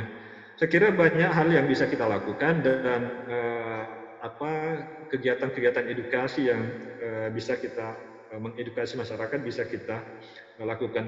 Saya juga baru dengar dari Kepala Badan Bahasa di Jakarta sekarang ini malah eh, satuan eh, gugus tugas eh, COVID ya di Jakarta nasional itu ya satuan satgas nasional eh, gugus COVID sekarang malah eh, mencari istilah-istilah yang terkait dengan pandemi ini yang dalam bahasa daerah. Sekarang di data istilah-istilah dalam bahasa daerah dan uh, itu tentu tujuannya adalah untuk memudahkan bahwa apa komunikasi pemerintah itu ke daerah terkait dengan uh, penanggulangan uh, COVID-19 uh, ini, COVID-19 ini bisa lebih efektif. Sebab itu tadi pesan itu harus disampaikan dan kemasan juga sangat menentukan dan penyampaian pesan itu juga berkaitan dengan bahwa apakah makna itu bisa lebih dipahami dengan lebih baik. Saya juga ya dan saya melihat di Malaysia misalnya ya Walaupun misalnya di Malaysia itu adalah bahasa Inggris alias sebagai bahasa kedua, tetapi saya melihat di Malaysia itu uh, kecenderungan orang untuk menggunakan bahasa-bahasa yang sederhana juga masih uh, sering kita temui. Uh, dalam ketika dulu saya di sana ya, ketika proses apa kampanye politik misalnya, saya membandingkan ya bagaimana para politisi kita ketika berkampanye dengan orang-orang uh, politisi di uh, Malaysia itu memang agak sedikit berbeda ya. Sebagai contoh begini, uh, kita kalau mendengar para kontestan ya, ketika dia berapi-api mengatakan bahwa saya akan mensejahterakan ya masyarakat gitu. Kalau saya terpilih, saya akan berusaha untuk menyejahterakan masyarakat gitu. Tetapi mereka tidak pernah me, apa, menerangkan ya, bagaimana caranya itu yang tidak pernah disentuh ketika kampanye. Orang di Malaysia sangat mudah sekali. Jadi kalau dia berkampanye paling mudah sekali. Dia mengatakan begini, oh saya akan membangun jalan. Saya akan membangun jalan ini, saya akan membangun jembatan, saya akan membangun ini dan membangun ini. Ketika dia terpilih sangat mudah sekali. Jadi ketika dia terpilih orang akan sangat mudah menagih dia bahwa oh dulu mana yang dijanjikan jembatannya mana ini, bagaimana jalannya? Katanya dulu mau diperbaiki jalan ini. Jadi uh, uh, mereka lebih, saya rasa lebih realistis ya, lebih rasional. Nah, kita lebih cenderung memasuki bahasa-bahasa yang uh, sifatnya orang apa ya masih abstrak ya. Orang masih ada ruang-ruang orang masih saling berdebat, kemudian ada ruang-ruang uh, ketika orang bisa menghindar, kemudian malah ada yang sebagian bisa lari dari tanggung jawab kan. ketika ditanya seperti ini, oh tidak, maksud saya kan tidak seperti itu kan. Sebab memang ungkapan yang diungkapkan itu yang sering disampaikan adalah ungkapan ungkapan yang uh, apa berpotensi bias gitu. Ya, ada potensi bias di situ. Sehingga uh, kita memang agak susah dalam uh, apa mencoba mencari apa bahwa komunikasi itu betul-betul tersampaikan dengan baik. Ya. Saya kira itu saja untuk saya. Mungkin Pak Zul bisa lebih menerangkan lebih jauh ini. Terima kasih. Terima kasih Pak Ardi. Ya, Pak Zul mungkin bisa menambahkan terkait dengan pengguna, penggunaan ya. terminologis. Ya, ya terima kasih. Uh, memang betul bahwa uh, media media penyampaian informasi kan adalah bahasa, terutama dalam bukan hanya dalam dalam konteks penanganan pandemi uh, corona ini, tapi juga untuk segala macam kebijakan publik yang dikeluarkan oleh pemerintah, entah itu masalah penanganan bencana, entah itu masalah penanggulangan kemiskinan, entah itu masalah yang berkaitan dengan peningkatan literasi. Gitu ya. Nah, uh, yang menarik adalah uh, yang menyinggung tadi masalah angka literasi. Uh, betul bahwa strategi komunikasi atau narasi publik yang dibangun oleh pemerintah atau para pemangku kepentingan harus berdasarkan kondisi real yang ada di masyarakat. Kita tahu bersama bahwa konteks uh, struktur masyarakat Indonesia khususnya misalnya kalau kita ambil kasus di Gorontalo, indeks literasinya kan terbatas. Kalau kita ingat lagi misalnya indeks ahli baca uh, Indonesia itu kan ada pada titik rendah, gitu. sekitar 34 atau 37. Nah, Gorontalo juga ada pada titik itu. Oleh sebab itu, uh, pilihan model komunikasi yang digunakan oleh pemerintah dalam hal ini para pemangku kepentingan harus menyesuaikan dengan kondisi yang ada. Tidak bisa lagi menggunakan sistem komunikasi yang high context, gitu ya, yang sangat abstrak, tapi menggunakan sistem komunikasi yang sangat low context. Tadi disampaikan oleh Pak Soekardi, uh, gugus tugas nasional untuk khusus untuk menangani COVID baru saja seolah-olah tersadar ingin melibatkan badan bahasa dalam pemilihan istilah-istilah yang sesuai dengan bahasa daerah. Nah ini kan penting sekali sebenarnya. Sejak awal di bulan-bulan Maret bahkan bulan Februari, ini kan harusnya dipikirkan secara lebih secara lebih uh, tuntas. Contoh lain misalnya yang yang berkaitan dengan angka literasi ini, uh, angka literasi kita yang yang ada pada posisi misalnya indeks ahli baca kita yang sangat rendah 30-an sekian yang dirilis juga oleh Kementerian Pendidikan dan Kebudayaan membuktikan bahwa masyarakat kita baru pada tahap memahami, eh, baru pada tahap bisa membaca, belum pada tahap memahami uh, isi wacana. Ya, sehingga pola komunikasi yang disampaikan oleh oleh pemerintah, jadi uh, bayangan pemerintah tidak uh, tidak bisa terkotak pada posisi misalnya masyarakat Jakarta masyarakat yang melek sosial media tidak. Itu hanya sekian berapa persen daripada struktur masyarakat Indonesia secara, secara umum. Yang harus dilakukan penetrasi lebih jauh dalam komunikasi uh, massa oleh pemerintah dalam hal ini membangun narasi untuk kepentingan kebijakan publik harus melihat 99% yang lainnya. Selama ini kan yang dibangun adalah bahasa high context yang uh, digunakan untuk menjelaskan hal-hal yang sebenarnya kontekstual membutuhkan no konteks. Nah, oleh sebab itu eh, ke depannya hal yang perlu dilakukan oleh para pemangku kepentingan adalah melibatkan para ahli yang kemudian bisa memilih pola komunikasi yang low konteks sesuai dengan konteks masyarakat masing-masing. Tidak bisa lagi menggunakan istilah-istilah yang sangat rumit. Contoh misalnya eh, pada saat saya di sini eh, kan ada tarik menarik antara social distancing measure dan physical distancing measure. Saya pada saat itu uh, semua narasi yang dibangun oleh pemerintah Inggris adalah social distancing measure, sedangkan WHO mengatakan adalah physical distancing. Saya menduga kemudian mencari literatur dan penjelasan-penjelasan yang, yang disampaikan oleh pemerintah. Ternyata pembatasan sosial ini penting, tidak hanya pembatasan fisik, tetapi pembatasan interaksi sosial, kadang-kadang kalau kita pembatasan uh, fisik uh, dalam lingkungan misalnya seperti yang ada di Gorontalo, social distancing measure lebih penting dibandingkan uh, physical distancing measure gitu, pembatasan uh, fisik. Karena uh, di kampung itu konstruksi sosialnya berbeda dengan konstruksi individualistik yang ada di kota. Sehingga pemilihan istilah pun sesuai dengan kondisi. Contoh lain misalnya pada saat misalnya penanganan banjir kemarin, kita keluar dari konteks COVID-19 ini. Pada saat, pada saat apa itu pem, bencana banjir yang ada di Gorontalo, tiba-tiba yang keluar dari narasi publik pemerintah adalah pembangunan waduk, misalnya. Sedangkan kita semua tahu yang terjadi adalah masalah kritis, lahan kritis yang ada di daerah hulu. Uh, jadi misalnya uh, saya berbincang-bincang dengan teman-teman yang lain, ini seperti kita terjadi kebocoran, kebocoran aliran air PAM misalnya di satu rumah, alih-alih memperbaiki kebocoran itu, kita hanya membuat kolam penampung, tapi kebocorannya tidak ditangani. Sehingga yang di, yang ada dalam ada dalam benak publik bahwa oh tidak ada ter, tidak terjadi lahan, tidak terjadi kondisi lahan kritis di Gorontalo. Kita hanya butuh infrastruktur baru untuk mengatasi masalah. Nah, contoh-contoh narasi ini kan yang perlu dikaji kembali oleh oleh uh, para pembentuk kepentingan dengan melibatkan melibatkan para ahli. Sebagai contoh misalnya kembali ke topik uh, COVID-19 juga me, apa itu me, menjawab pertanyaan tadi yang ada di chat. Apakah pemerintah Inggris misalnya para pekritiknya ditangkap sama sekali tidak, dibiarkan bertanya, dibiarkan memberikan kritik, uh, di, diberikan kesempatan untuk saling saling berinteraksi.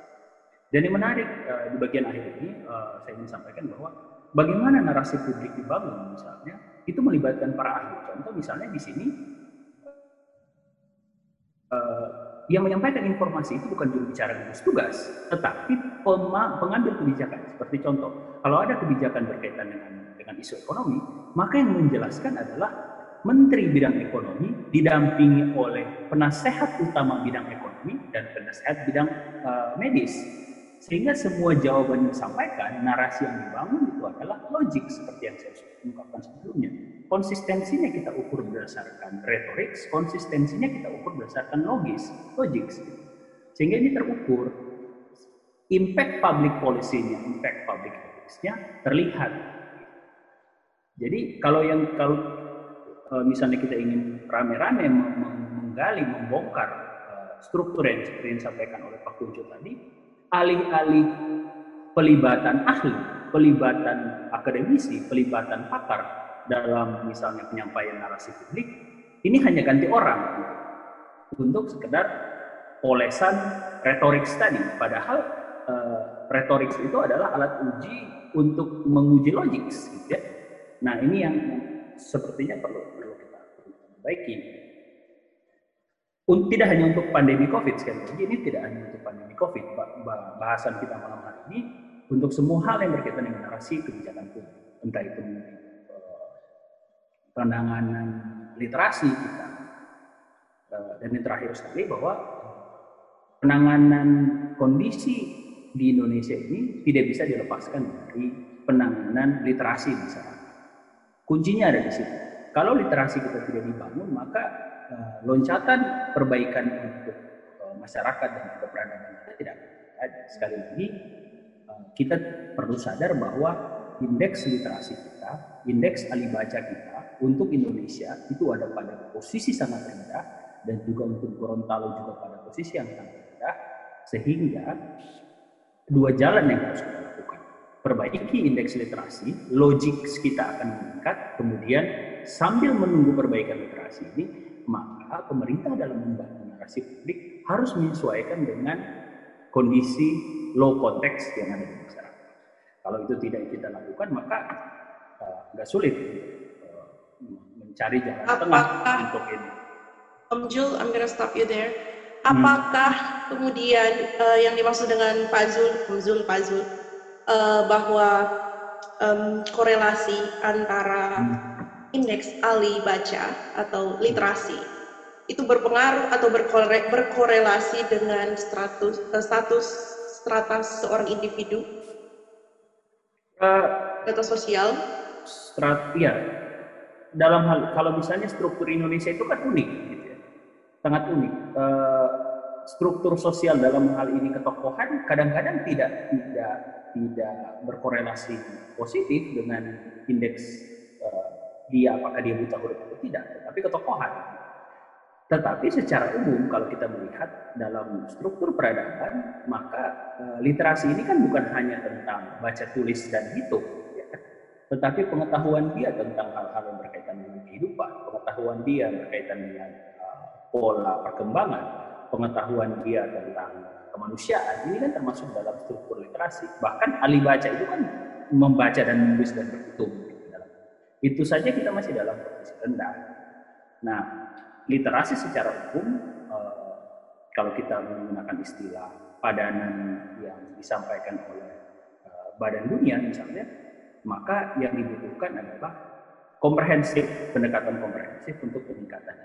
Lantas bagaimana Apakah dengan orang-orang yang mungkin kalau tadi sudah disebutkan sama uh, Pak Punco ya bahwa ada orang-orang kampung yang tidak hmm. terliterasi dengan baik karena apa? Karena istilah-istilah yang high class tadi yang dikatakan ya. oleh Pak Zul itu. Ya, high Dan, context gitu ya. Ya, high context terminologis yang digunakan oleh hmm. pemerintah itu nggak sampai ke hmm. orang-orang yang ada di kampung yang terutama mungkin dari uh, strata sosial ekonominya tuh di bawah garis kemiskinan atau yeah. something Betul. like that? Saya pernah saya pernah bincang-bincang ini juga dengan Pak Kunco bahwa strategi komunikasi yang disampaikan harus berdasarkan si orang itu. Misalnya gini, kita komunikasi sesuatu dengan anak usia TK, anak usia SMP sama anak mahasiswa kan akan berbeda. Uh, retorik kita akan beda, logik yang kita gunakan akan beda. Sistem abstraksi pengandaian yang kita gunakan akan berbeda, tidak bisa disamakan. Nah ini yang sepertinya terlambat diantisipasi sejak awal. Nah masih ada waktu untuk memperbaiki. Caranya adalah ya misalnya kalau bahasan kita seperti sekarang di ruang ini, di, di Zoom meeting ini, tentu kita menggunakan pendekatan yang sangat akademis. Tapi pada saat kita berbicara dengan keluarga-keluarga kita, tentu model ungkapannya kan tidak tidak seperti ini akan lebih lebih low konteks lebih lebih uh, yang bisa real. diterima ya nah ini yang nah juga yang terakhir bahwa fungsi ketokohan ini perlu kita perlu kita kita kedepankan jadi ketokohan ini maksudnya aktor tadi sama dengan yes, yes, aktor betul. tadi yang dibahas ya, seperti ya, ya seperti yang, yang saya bilang tadi bahwa saya bincang dengan Pak Punco pada saat uh, berapa kali diskusi kita uh, saya sangat setuju dengan pendekatan ini karena konteks sosial masyarakat kita eh, tokoh itu memegang peranan penting. Ya tokoh masyarakat. Kalau kadang-kadang pemerintah mereka tidak percaya tapi ternyata kata Pak Fuco tadi masalahnya adalah tidak bahkan tokoh ini malah tidak paham tentang penanganan COVID-19 ini. Nah, Jadi kan bagaimana kan tokoh ini bisa menyosialisasikannya kepada masyarakat yang ada di kampung-kampung itu? Nah, itulah kan uh, pelibatan mereka sejak awal kan misalnya ini kalau kita tidak mau lagi tarik ke belakang, kita ada posisi tengah sekarang ini kita memulai lagi maju untuk setelah penanganan yang plus 30 dan plus 29 ini. Kalau kita mau menangani ini untuk konteks Gorontalo maka uh, mereka perlu kita kita libatkan dalam hal ini kita kita perbaiki kondisi yang ada dengan melibatkan mereka. Mem dengan pertama-tama memperbaiki literasi. Ya, mem ya memperbaiki uh, pemahaman mereka kalau literasi ya mungkin uh, narasi terlalu ya bahasannya terlalu teks teknis tapi bagaimana memahamkan mereka bahwa ini ini kejadian yang nyata pendekatan sosiologisnya kan orang-orang sosiolog dan antropolog itu lebih, lebih paham. Tapi kami dari linguistik berpendapat bahwa retorik dan logik yang kita bangun harus sesuai dengan kondisi yang ada. Tidak lagi misalnya copy paste seperti yang disampaikan oleh Pak Kojo tadi copy paste yang ada di Jakarta kemudian kita pasang misalnya di daerah Togihe gitu ya untuk menjelaskan bahwa ini corona ini ada. Menurut mereka bahkan ya yang muncul kayak tadi gitu kan uh, positif kreatif alih-alih misalnya positif reaktif gitu positif reaktif ya positif jadi kreatif positif kreatif gitu. ya itu dia Nah, hal seperti itu. Intinya adalah kita harus secepat-cepat uh, mengubah ini dan narasi yang dibangun oleh para pejabat publik harus lebih cepat dari reaksi yang akan timbul oleh masyarakat, dari masyarakat. Kalau ini tidak, kalau misalnya ini masih aksi reaksi masyarakat dulu yang bereaksi kemudian uh, ini ada reaksi lagi dari dari narasi yang dibangun ini tidak selesai. Harus bisa diprediksi apa kejadian yang akan terjadi, harus lebih cepat uh, narasi yang dibangun. Oke. Baik, terima kasih Pak Zul. Uh, di sini kayaknya ada pertanyaan lagi dari JS. Siapakah JS ini? Silakan Pak JS untuk mengaktifkan um, Oh, ternyata Pak Jeffrianto Saud. Silakan, Om Ijeb. Assalamualaikum warahmatullahi wabarakatuh. Selamat malam semuanya. Um, bisa didengar clear? Ya, um, topik malam ini sangat menarik buat saya dan berkaitan juga tentang bidang saya yang sama-sama bidangnya dengan Pak uh, Zul dan Pak uh, Soekardi Uh, tapi berkaitan dengan kebijakan publik yang uh, kita bahas malam ini, sebelumnya saya mau menyampaikan beberapa hal. Yang pertama, uh, kajian uh, COVID-19 yang uh, yang ada di Provinsi Gorontalo itu, alhamdulillah dari Universitas Negeri Gorontalo melibatkan peran linguistik dalam atau kajian linguistik dalam penanganan COVID ini.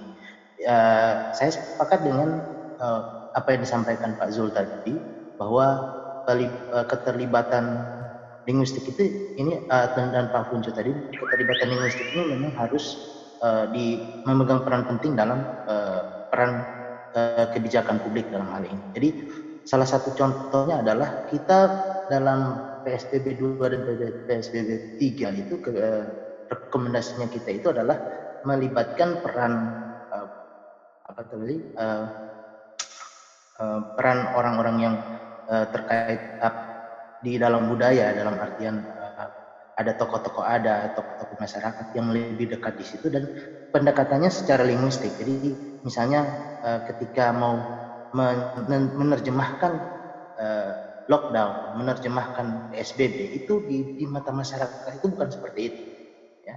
Jadi apa yang mungkin dengan kata-kata uh, yang lebih dekat dengan bahasa-bahasa Gorontalo seperti itu itu yang menjadi uh, salah satu uh, uh, referensi kita buat pemerintah. Terkait dengan kebijakan publik saya ingin me memberikan sedikit gambaran bahwa peran bahasa yang dipakai yang dipakai uh, oleh pemerintah dalam mengolah kebijakan ini um, dalam artian uh, peran lembaga bahasa ketika berkaitan dengan kebijakan publik peran lembaga bahasa ini harusnya menjadi perhatian pemerintah yang lebih ya, sehingga keterlibatan dalam melihat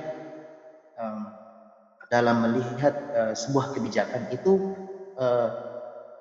peran peran lembaga bahasa pun dilibatkan lebih baik dilibatkan kalau bukan juga penuh tapi memegang peranan penting dalam mengolah kebijakan ini. Dalam artian uh, saya melihat seberapa besar pemerintah me, me, me, ya, melibatkan uh, per, uh, apa namanya uh, peran lembaga bahasa dalam uh, setiap kebijakan publik yang mereka yang mereka keluarkan atau produk-produk yang mereka keluarkan sehingga dapat terterima, dapat dimengerti sehingga dan dipahami oleh masyarakat dan tinjauan bahasanya pun masuk ke dalam dalam sebuah dalam setiap kebijakan publik.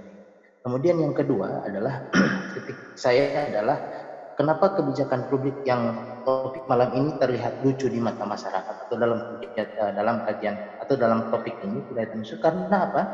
Masyarakat eh, masing-masing instansi saya sepakat dengan Pak Puja tadi masing-masing instansi ingin menampakkan dirinya dalam mem mem memperoleh atau mengeluarkan produk kebijakannya masing-masing sehingga ya terlihat lucu satu satu kementerian dapat uh, bisa jadi mengeluarkan surat edaran 2 sampai 4 2 sampai dengan 4 kali uh, perubahan uh, misalnya mengenai Covid ini.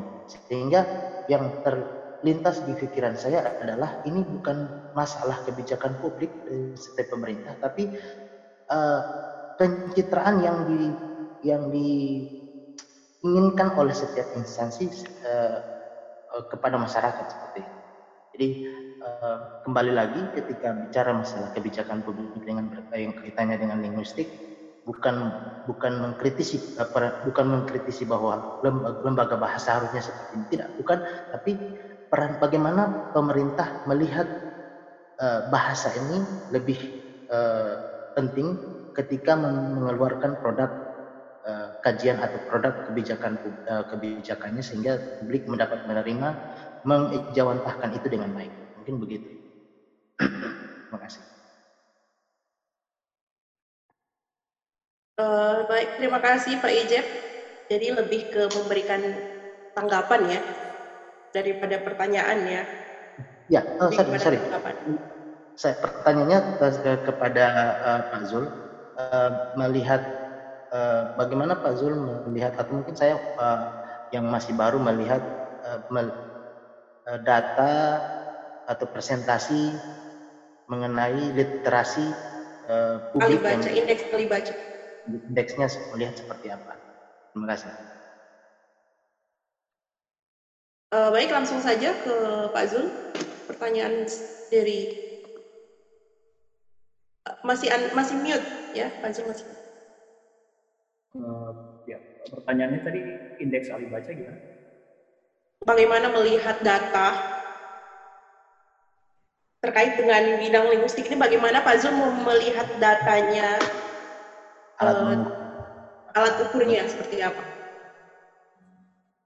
Iya, uh, kembali ke untuk secara umum gitu ya untuk melihat misalnya tentang kebijakan publik seperti yang saya sampaikan di awal uh, untuk melihat narasi kebijakan publik yang harus kita lihat adalah uh, truthfulness-nya tadi, kesejatian. Nah, alat ukur utamanya adalah uh, yang pertama layer pertama adalah retorik, gitu, kemudian logics. Nah, ini yang harus kita rumuskan bersama untuk ke konteks tadi, ke konteks masyarakat yang ada di Indonesia.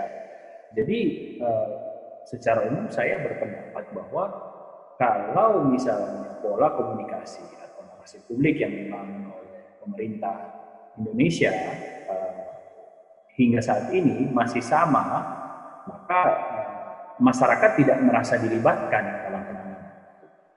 Masyarakat menganggap bahwa uh, permasalahan apa pun yang terjadi di, di, di masyarakat itu bukan permasalahan masyarakat, tapi permasalahan pemerintah.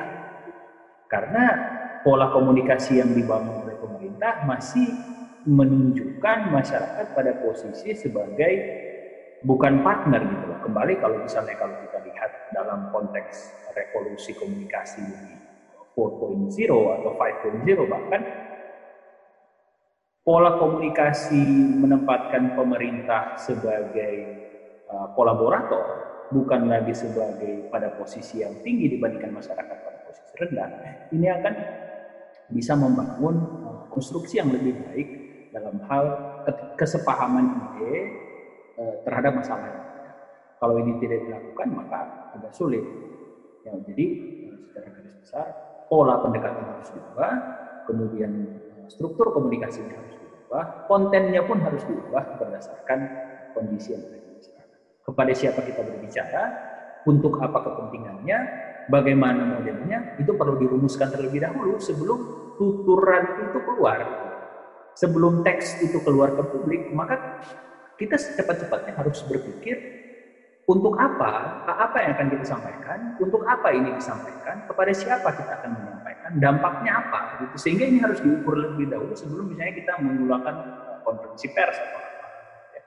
Dalam bidang apa pun, sekali lagi yang kita bahas adalah tidak hanya penanganan pandemi, gitu ya, tetapi juga misalnya seperti saya sampaikan tadi, saya mengkritik keras bahwa uh, pada saat pada saat penanganan banjir yang kemudian muncul ke publik adalah pembangunan hal lain gitu. Alih-alih penanganan masalah utamanya. Nah ini yang coba kita, kita perbaiki bersama saya setuju Pak Jeffrey akhir pelibatan uh, akademisi dalam narasi kebijakan publik itu hal yang wajib untuk memperbaiki logik dan retorik dari uh, narasi kebijakan. Logik dan retorik dan diksi, ya. Ya. Oke, baik. Uh, apakah masih ada uh, pertanyaan lagi? Kita nggak terasa kita udah dua jam ya, dua jam lebih. Uh, mungkin masih ada yang mau bertanya di sini?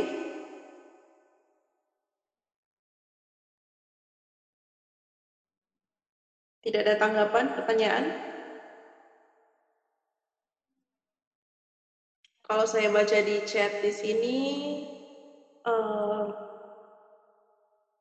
ada yang menyimak dari Manado, salut karena diskursus yang bersifat publik di Gorontalo hidup. Semoga tidak terjebak dengan pendekatan akademis yang teknis, bahkan justru saat mengkritik para public figure yang keblinger, keblinger dalam menangani pandemi. Keblinger ya, dalam tanda kutip, mabok berarti ya. Yang ngambil keputusan mungkin mabok atau ya dan, dan itu uh, saya setuju bahwa diskursus akademik itu perlu terus dibangun tapi kemudian hasil diskursus akademik itu perlu kita formulasikan kembali, kita tidak distribusi mentah-mentah kepada masyarakat karena itu tadi kondisinya berbeda. Jangan segala sesuatu misalnya misalnya seperti contoh ini sedang kita rumuskan sekarang misalnya kita anggaplah kita ini think tanknya uh, pemegang kebijakan gitu, untuk membuat kebijakan publik. Apa yang kita sampaikan di sini kemudian langsung kita buatkan narasi berdasarkan apa yang kita tahu untuk kita sampaikan ke masyarakat. Oh tidak bisa seperti itu.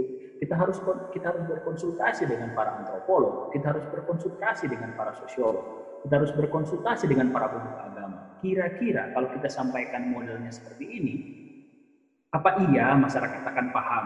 Jangan-jangan mereka menganggap, oh ini salah, oh ini tidak sesuai dengan kita. Yang terjadi kan sekarang adalah misalnya perencanaan sesuatu, ya sudah kami yang masyarakat tinggal terima aja pelibatan pelibatan unsur-unsur-unsur yang lebih komprehensif ini seakan-akan belum terjadi. Mungkin ada, tetapi itu belum terasa impactnya.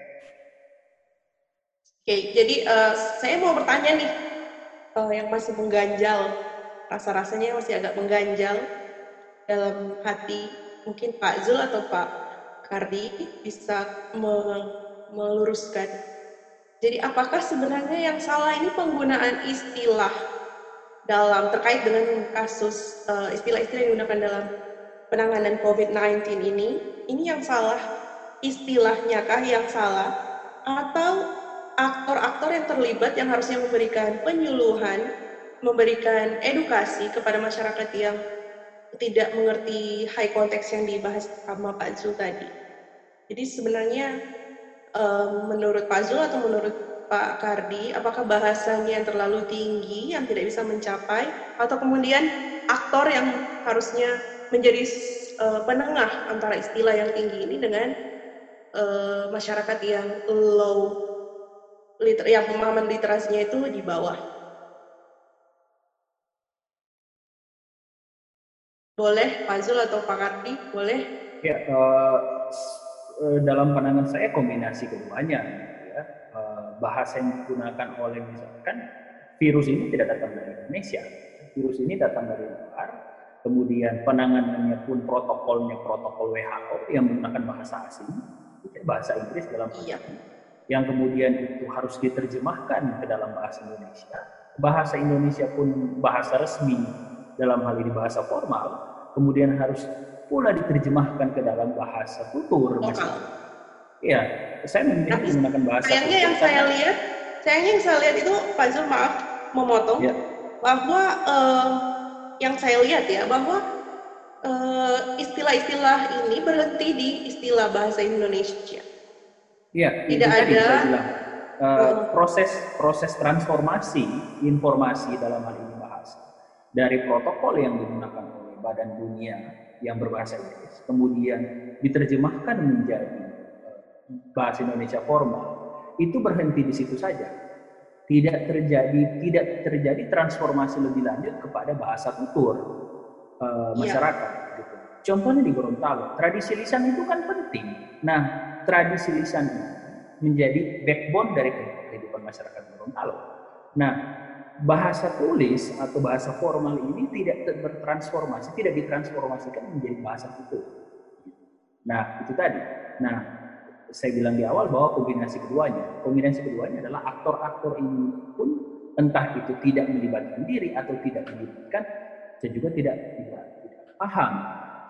Kalau misalnya saya ditanyakan keluarga, biasa gitu di grup chat keluarga, kira-kira ini gimana gitu. Coba menurut Nana itu bagaimana informasi ini? Saya sangat mudah saya bilang, badengar dan keluar bakurung ke sana nanti mau pesan online itu makanan badengar selesai gitu. That's it. Tidak ada lagi saya jelaskan. Oh iya virus itu begini itu akan dari droplet lah segala macam lah apa Iya. ber, ber- akan dia bisa kalau kena di dalam ruangan AC tidak bertekanan negatif dan seterusnya itu kan panjang masyarakat tidak perlu itu. Kalau saya bilang ini bikin mati, bakurung ke sana di rumah selesai urusan. Nah bahasa tutur ini yang transformasi dari bahasa asing ke bahasa Indonesia, Formal Indonesia. formal yang digunakan dalam teks-teks teks uh, pemerintah itu tidak tidak tidak lanjut kepada Tertransformasi. bahasa. Ah, transformasinya ke bahasa tutur masyarakat. Sehingga tidak bisa menjangkau masyarakat yang tadi disebut kafung Iya, iya, gitu ya, di iya, kampung-kampung. itu tadi. Iya, betul sekali. Nah, itu mungkin Pak, Sukari juga mengalami itu kayak gemes-gemes begitu di badan bahasa. Kok ini? Kok kita itu kayak bumper aja misalnya kayak pelampung gitu. Kalau ini kayaknya masyarakat bingung sih di badan bahasa coba perbaiki dulu. Padahal harusnya sejak awal nih badan bahasa kira-kira ini bagaimana? Gitu ya. Kalau dalam dalam konstruksi pemikiran kami. Ya, eh, bagaimana Pak Kardi? Iya, eh, saya kira menarik ini ya. Eh, memang regulasi yang kami di Badan Bahasa itu eh, istilah-istilah itu muncul memang kadang lebih dulu gitu. Jadi eh, kebijakannya belakangan. Jadi kadang dan banyak sekali semua istilah banyak istilah-istilah yang muncul eh, duluan kemudian eh, Badan Bahasa melakukan eh, pemandanan istilah itu. Karena memang kebutuhan orang tentang istilah itu begitu mendesak ya. Istilah new normal misalnya kan itu kan lebih dulu kan. Kemudian dan bahasa melakukan eh, apa Ya. eh, pemadanan belakangan yaitu misalnya eh, apa eh, kenormalan baru kan. Itu pun juga masih kadang diperdebatkan oleh beberapa eh, apa eh, ahli misalnya.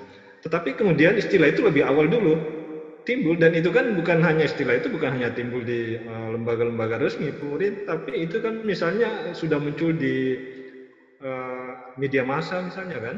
Media massa yang kemudian memunculkan istilah itu kemudian tidak mungkin media massa datang ke badan bahasa dulu ini istilahnya apa kan. Sementara kebutuhan orang tentang istilah itu begitu mendesak di saat itu. Kemudian setelah itu ya badan bahasa menginventarisasi istilah-istilah yang kemudian eh, perlu untuk dipadankan walaupun juga memang eh, apa eh, ada lembaga-lembaga tertentu ya. Jadi ada lembaga-lembaga tertentu kemudian sebelum itu disampaikan ke masyarakat, kemudian ada juga yang melakukan eh, konsultasi ke eh, badan bahasa melalui komisi istilah misalnya. Eh, Kemudian memang yang eh, sering kita lihat bahwa sebenarnya yang paling dibutuhkan masyarakat sekarang adalah penyederhanaan itu.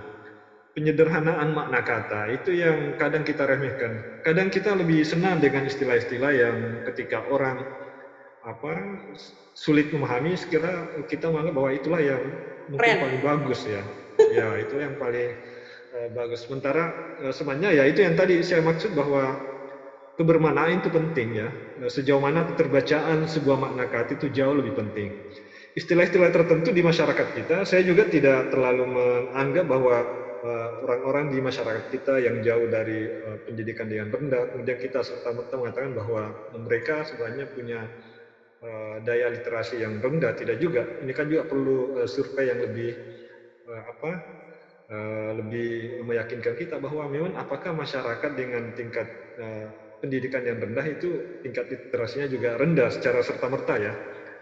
Eh, tentang COVID misalnya ya COVID ini tidak mengenal orang kan. Eh, dokter juga bisa kena, profesor bisa kena, walaupun dia tahu bahwa eh, cara pencegahan COVID misalnya supaya tidak terinfeksi ya mereka tahu, tapi kemudian juga kena kan. Jadi eh, saya, saya apa ya eh, banyak hal yang mesti kita perhatikan di sini. Saya setuju tadi ya, misalnya dikatakan oleh Pak Punco bahwa penanganan pandemi ini ya tidak cukup dengan pendekatan medik misalnya, tapi dia harus pendekatan budaya juga penting. Kita melihat misalnya Taiwan ya, Taiwan yang dekat dengan uh, uh, epicentrum uh, COVID Wuhan ya. Kalau kita lihat data itu Taiwan, tidak salah hanya enam orang yang terkena ya di awalnya, nah hanya enam orang uh, yang kena uh, terinfeksi virus itu. Malah Taiwan juga tidak melaksanakan uh, lockdown kan, sama dengan Jepang juga tidak, sebab uh, mereka ketika virus itu mulai uh, muncul dan uh, menyebar ke seluruh dunia, orang-orang Jepang, orang Taiwan itu biasa-biasa saja. Sebab mereka di sana budaya misalnya memakai masker itu sudah lama mereka terapkan. Kemudian budaya uh, pembatasan sosial, kemudian menjaga jarak itu memang sudah mereka lakukan sejak jauh-jauh hari. Misalnya mencuci tangan juga mereka sudah sering lakukan. Sehingga ketika uh, apa virus itu menyebar, ya Taiwan kemudian Jepang juga tidak memperlakukan uh, apa uh, lockdown itu. Ya. Dan saya rasa ya penting bagi kita. Jadi yang saya maksud tadi bahwa memang ya dalam penyampaian pesan itu penyederhanaan pesan melalui bahasa. Ya mengapa bahasa itu penting? Sebab dia adalah sarana komunikasi, fungsinya sebagai sarana komunikasi. Dan itulah yang sebenarnya yang kita butuhkan ketika Eh, informasi-informasi yang akan kita sampaikan ke masyarakat itu bisa jauh lebih lebih uh, efisien, bisa jauh lebih uh, efektif ya.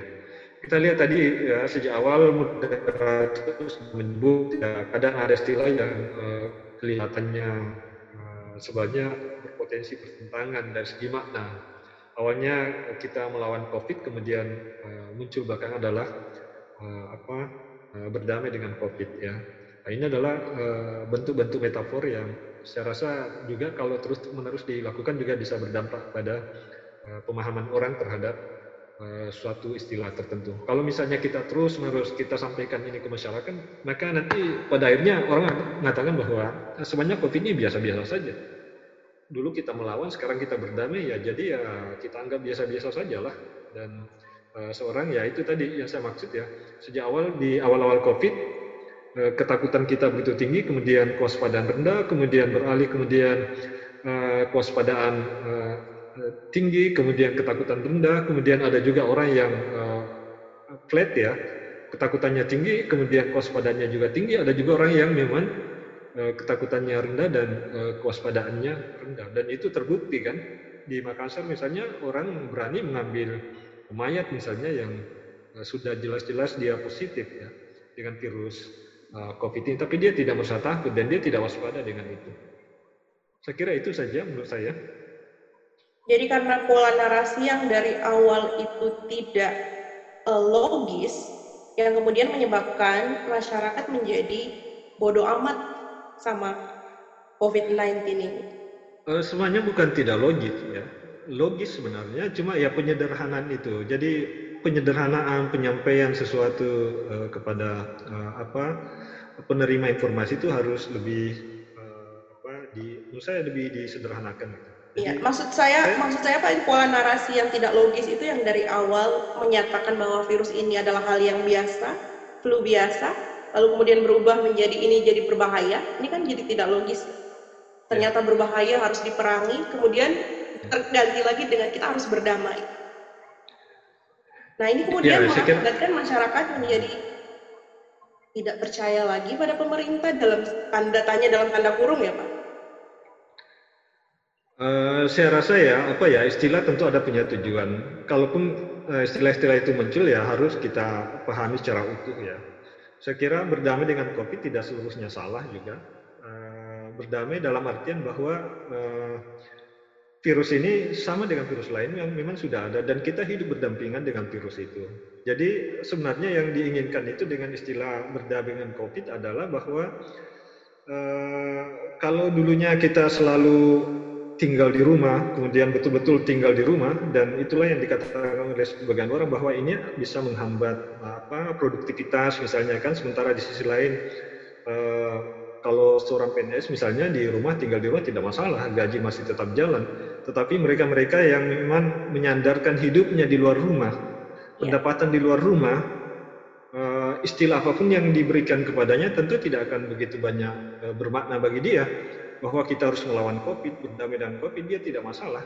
artinya PNS tidak jadi masalah sebab dia akan tetap bisa hidup ya dengan gajian dia dapat. Tapi orang-orang yang punya ketergantungan hidup ya, faktor ekonomi misalnya yang menyebabkan mereka harus mencari pekerjaan di luar rumah, maka inilah yang kemudian istilah itu muncul ya. Berdamai dengan COVID artinya ya silakan Anda keluar rumah tetapi tetap menjaga protokol kesehatan.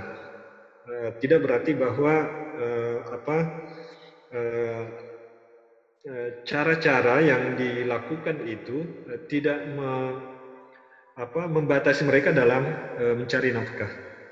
Jadi istilah itu tentu ada tujuannya, tentu ada dan saya rasa itu harus dipahami secara utuh. Secara whole text ya Pak maksudnya, yeah. secara keseluruhan. Ya mungkin uh, salah satu-satunya yang tidak terdampak COVID adalah PNS. Karena oh, tidak juga terdampak dengan COVID lah. Terdampak tapi kayaknya masih fine fine aja pak. Itu teman-teman saya kayak gitu soalnya. Oke, okay, uh, eh, nggak terasa durasinya udah mau selesai ini dua jam setengah ya. Padahal kita mengalokasikan waktu itu dua jam. Ternyata lebih dari dua jam. Dan ada di kolom chat yang mengatakan terima kasih banyak untuk para pemateri malam hari ini. Ada yang menyimak dari Manado, dan dari Jakarta, dan dari uh, eh, NTB. Terima kasih uh, atas kehadirannya. Dan mungkin kita sudah sampai pada kesimpulan ya, uh, Pak Zul, Pak Kardi, dan Pak Finco, bahwa narasi itu adalah bentuk dari representasi dari mental picture. Ya, menurut Pak Zul itu bahwa narasi adalah representasi dari apa yang ada di uh, Broca dan Wernick. Saya ingat ini tentang psikolinguistik, saya belajar langsung dari Pak Zul mengenai Broca dan Wernick ini adalah bagian-bagian um, otak yang memproses narasi atau bahasa yang dalam bentuk bahasa. Nah, kajian kita malam ini itu tentunya bukan untuk mengejek, tapi lebih untuk uh, yuk kita bahas apa sih pola narasi yang salah atau yang keliru mungkin dari uh, pemerintah ini dan mungkin bisa diluruskan di uh, diskusi online kita malam hari ini. Um, dan yang saya dapat uh, tiga hal yang penting yang tadi di highlight dari Pak Zul bahwa kohesi dan koherensi dalam penyampaian uh, narasi itu atau kebijakan itu penting. Pentingnya kenapa? Karena harus diuji truthfulness-nya itu kesejatian maknanya seperti apa dari konsistensi diksi, kemudian penyampaiannya secara retoris dan secara logik. Lalu kemudian ada etik yang sudah dijelaskan lebih lanjut oleh uh, Pak Kunco tadi. Uh, jadi saya rasa cukup uh, sekian untuk uh, diskusi online kita malam hari ini. Terima kasih kepada Pak Zul yang selalu menyediakan waktu untuk uh, generasi muda Gorontalo ya untuk memperbaiki dan untuk selalu jadi tempat untuk uh, yang apa ya selalu responsif dalam menanggapi ide-ide anak-anak muda di Gorontalo ini selalu mendukung dan akhirnya beliau pun hadir malam ini. Dan terima kasih juga pada Pak Soekardi dan Pak Funco yang sudah speaker. Sampai jumpa di webinar yang akan datang. Tiap kami selalu mengadakan diskusi online tiap Sabtu malam jam jam 7.